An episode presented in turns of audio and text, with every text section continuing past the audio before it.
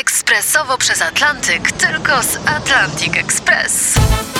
Z nami wyślesz co chcesz, kiedy chcesz, do kogo chcesz i to o 40% taniej. W Atlantic Express wysyłamy wszystko. 1 800 775 7363. Mienie przesiedleńcze, kontenery, paczki do Europy.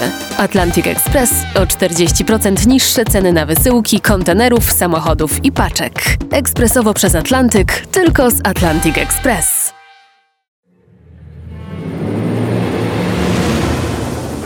Misja specjalna w RMFFM. Umrzeć w tak cholerny sposób. Czyli jak zginął generał Patton.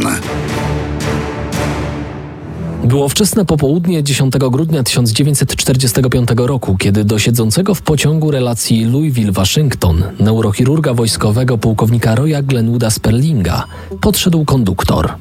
Panie pułkowniku, otrzymaliśmy pilną wiadomość. Zdarzył się wypadek. Musimy panu przekazać prośbę Pentagonu, by wysiadł pan w Cincinnati. Pułkownik wiedział, że słowo prośba to tylko forma grzecznościowa. Nadal był w wojsku i musiał słuchać rozkazów. Co się stało? Nie wiem. Kazano nam tylko przekazać wiadomość. Na stacji w Cincinnati pokazano Sperlingowi telegram, w którym przeczytał. Proszę pojechać na lotnisko, skąd samolot wojskowy przewiezie pana do Waszyngtonu, a stamtąd poleci pan do Niemiec. Po przeczytaniu telegramu, Sperling nadal nie wiedział, co się stało. Po jakiego diabła mam lecieć do Niemiec? Zastanawiał się. Spojrzał na zawiadowcę stacji, po czym zapytał. Może pan wie, o co może chodzić? Nie słuchał pan radia? Generał Patton miał poważny wypadek. Potwierdzenie, że istotnie chodzi o Patona, otrzymał Sperling na lotnisku w Waszyngtonie. Do Niemiec odleciał w towarzystwie oficera Pentagonu i żony generała Pattona, Beatrice. Ale kim był Patton? Generał Patton uważany jest za jednego z najlepszych dowódców koalicji antyniemieckiej w czasie II wojny światowej. Można powiedzieć, że radził sobie tam, gdzie inni zawodzili. Wygrywał w Tunezji. Zdobył Sycylię, przełamał impas armii anglo-amerykańskiej w Normandii latem 1944 roku, a zimą zatrzymał ofensywę niemiecką w Ardenach. Kampanię w Europie zakończył efektownym i efektywnym rajdem przez Niemcy wiosną 1945 roku, zapędzając się aż na zachodnie kresy Czechosłowacji. W ostatnich dniach wojny Patton zamierzał wyzwolić Pragę, ale zabronił mu tego Eisenhower. Uważam, że powinniśmy byli wtedy dojść do Wełtawy. Mówił pół roku później Patton. A jeżeli Rosjanom miałoby się to nie podobać, to mogli sobie pójść do diabła. Patton nie lubił Rosjan i bez skrupułów obdarzał ich różnymi niepochlebnymi epitetami. Oficerowie z nielicznymi wyjątkami Pisał w swoim notatniku. robią wrażenie niedawno ucywilizowanych mongolskich bandytów. Kiedy pewnego dnia w kwaterze Patona zjawił się generał radziecki z żądaniem oddania niemieckich jeńców, którzy uciekli z radzieckiej strefy okupacyjnej, Patton odegrał żywiołową scenę. Trzasnął pistoletem o biurko, zerwał się z krzesła i... Do jasnej cholery!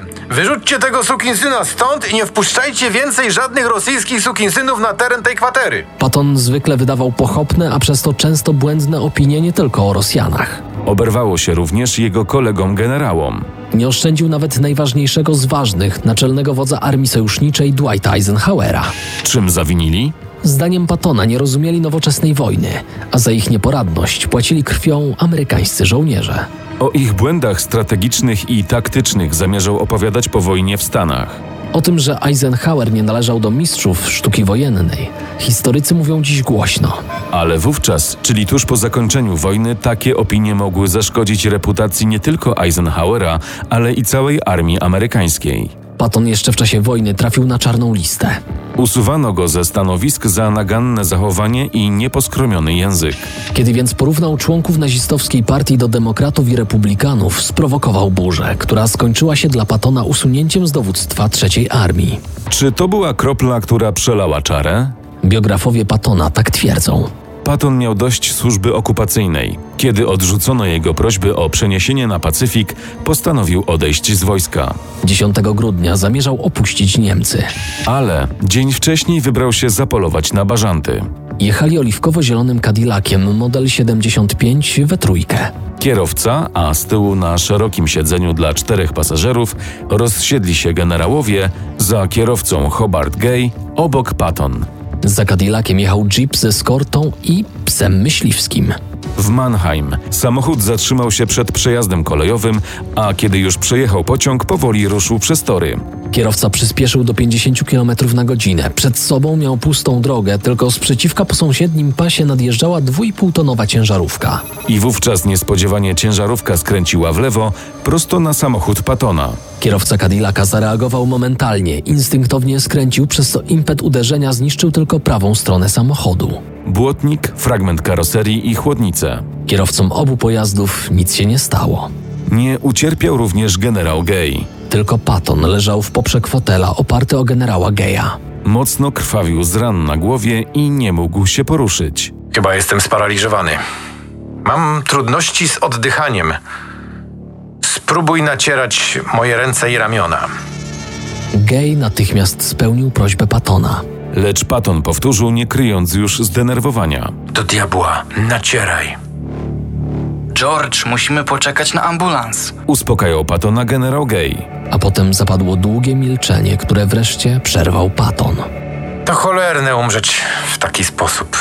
Ale Patton żył jeszcze przez 12 dni. I to właśnie te 12 dni są największą zagadką życia, a w zasadzie śmierci najlepszego generała armii amerykańskiej podczas II wojny światowej. Carlo Dest, autor biografii generała, napisał.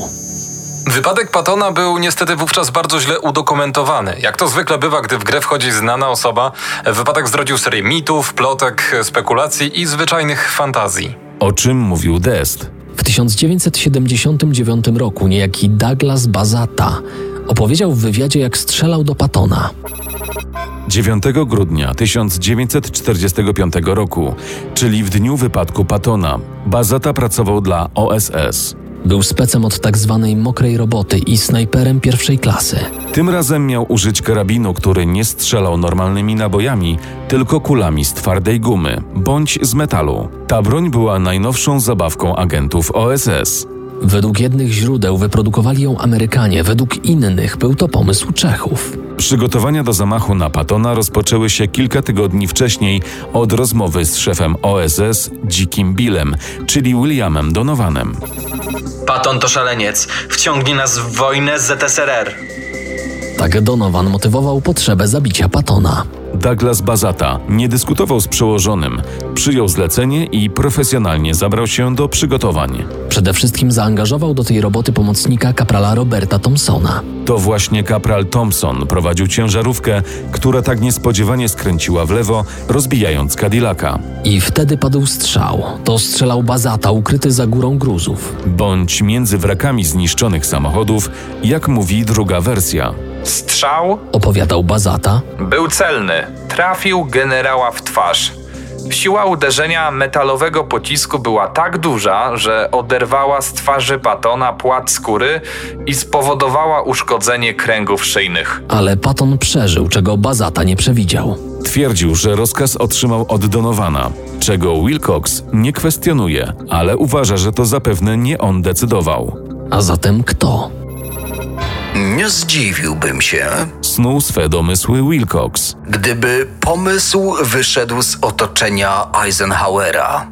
Jeśli w przypadku zleceniodawcy amerykańskiego Wilcox ma pewne wątpliwości, to nie ma ich w przypadku decydenta radzieckiego. Według niego rozkaz wydał bez wątpienia Stalin.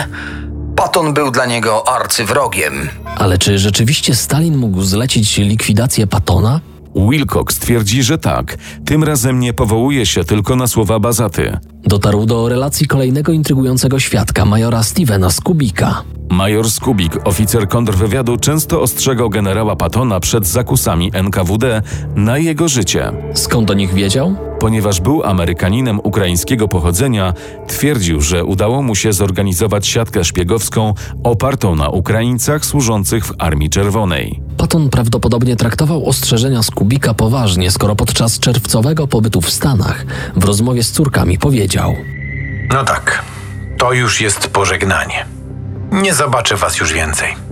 Tato, przecież to szaleństwo, wojna się skończyła. Tak, ale moja szczęśliwa passa też już się skończyła. Na Patona polowano już od wiosny 1945 roku. Jak dotąd wymykał się obławom. W kwietniu 1945 samolot generała Patona zaatakował Spitfire z polskimi oznaczeniami. Pilot generała zdołał wywinąć się napastnikowi, który w ferworze pościgu popełnił błąd i rozbił się o ziemię. Nie wiadomo, kim był pilot i do kogo należał samolot. Widoczne na kadłubie polskie symbole łatwo można było podrobić, więc nie był to żaden trop. A wątpliwości wzięły się stąd, że w pobliżu miejsca incydentu nie było żadnego dywizjonu polskiego. Pewna grupa historyków sugeruje, że samolot mógł nadlecieć ze wschodu, od rozpalonego nieopodal frontu nad Odrą. Piloci Stalina dosiadali brytyjskich Spitfire'ów i to towarzysze radzieccy postanowili usunąć Patona. Ale dowodów na tę hipotezę brak. Kolejny wypadek, który również historycy rozpatrują pod kątem zamachu na Patona, został sprokurowany przez staczający się z pochyłej ulicy wóz z sianem. Spod siana wyglądało srebrne ostrze kosy. Niemal w ostatniej chwili generał uniknął śmierci.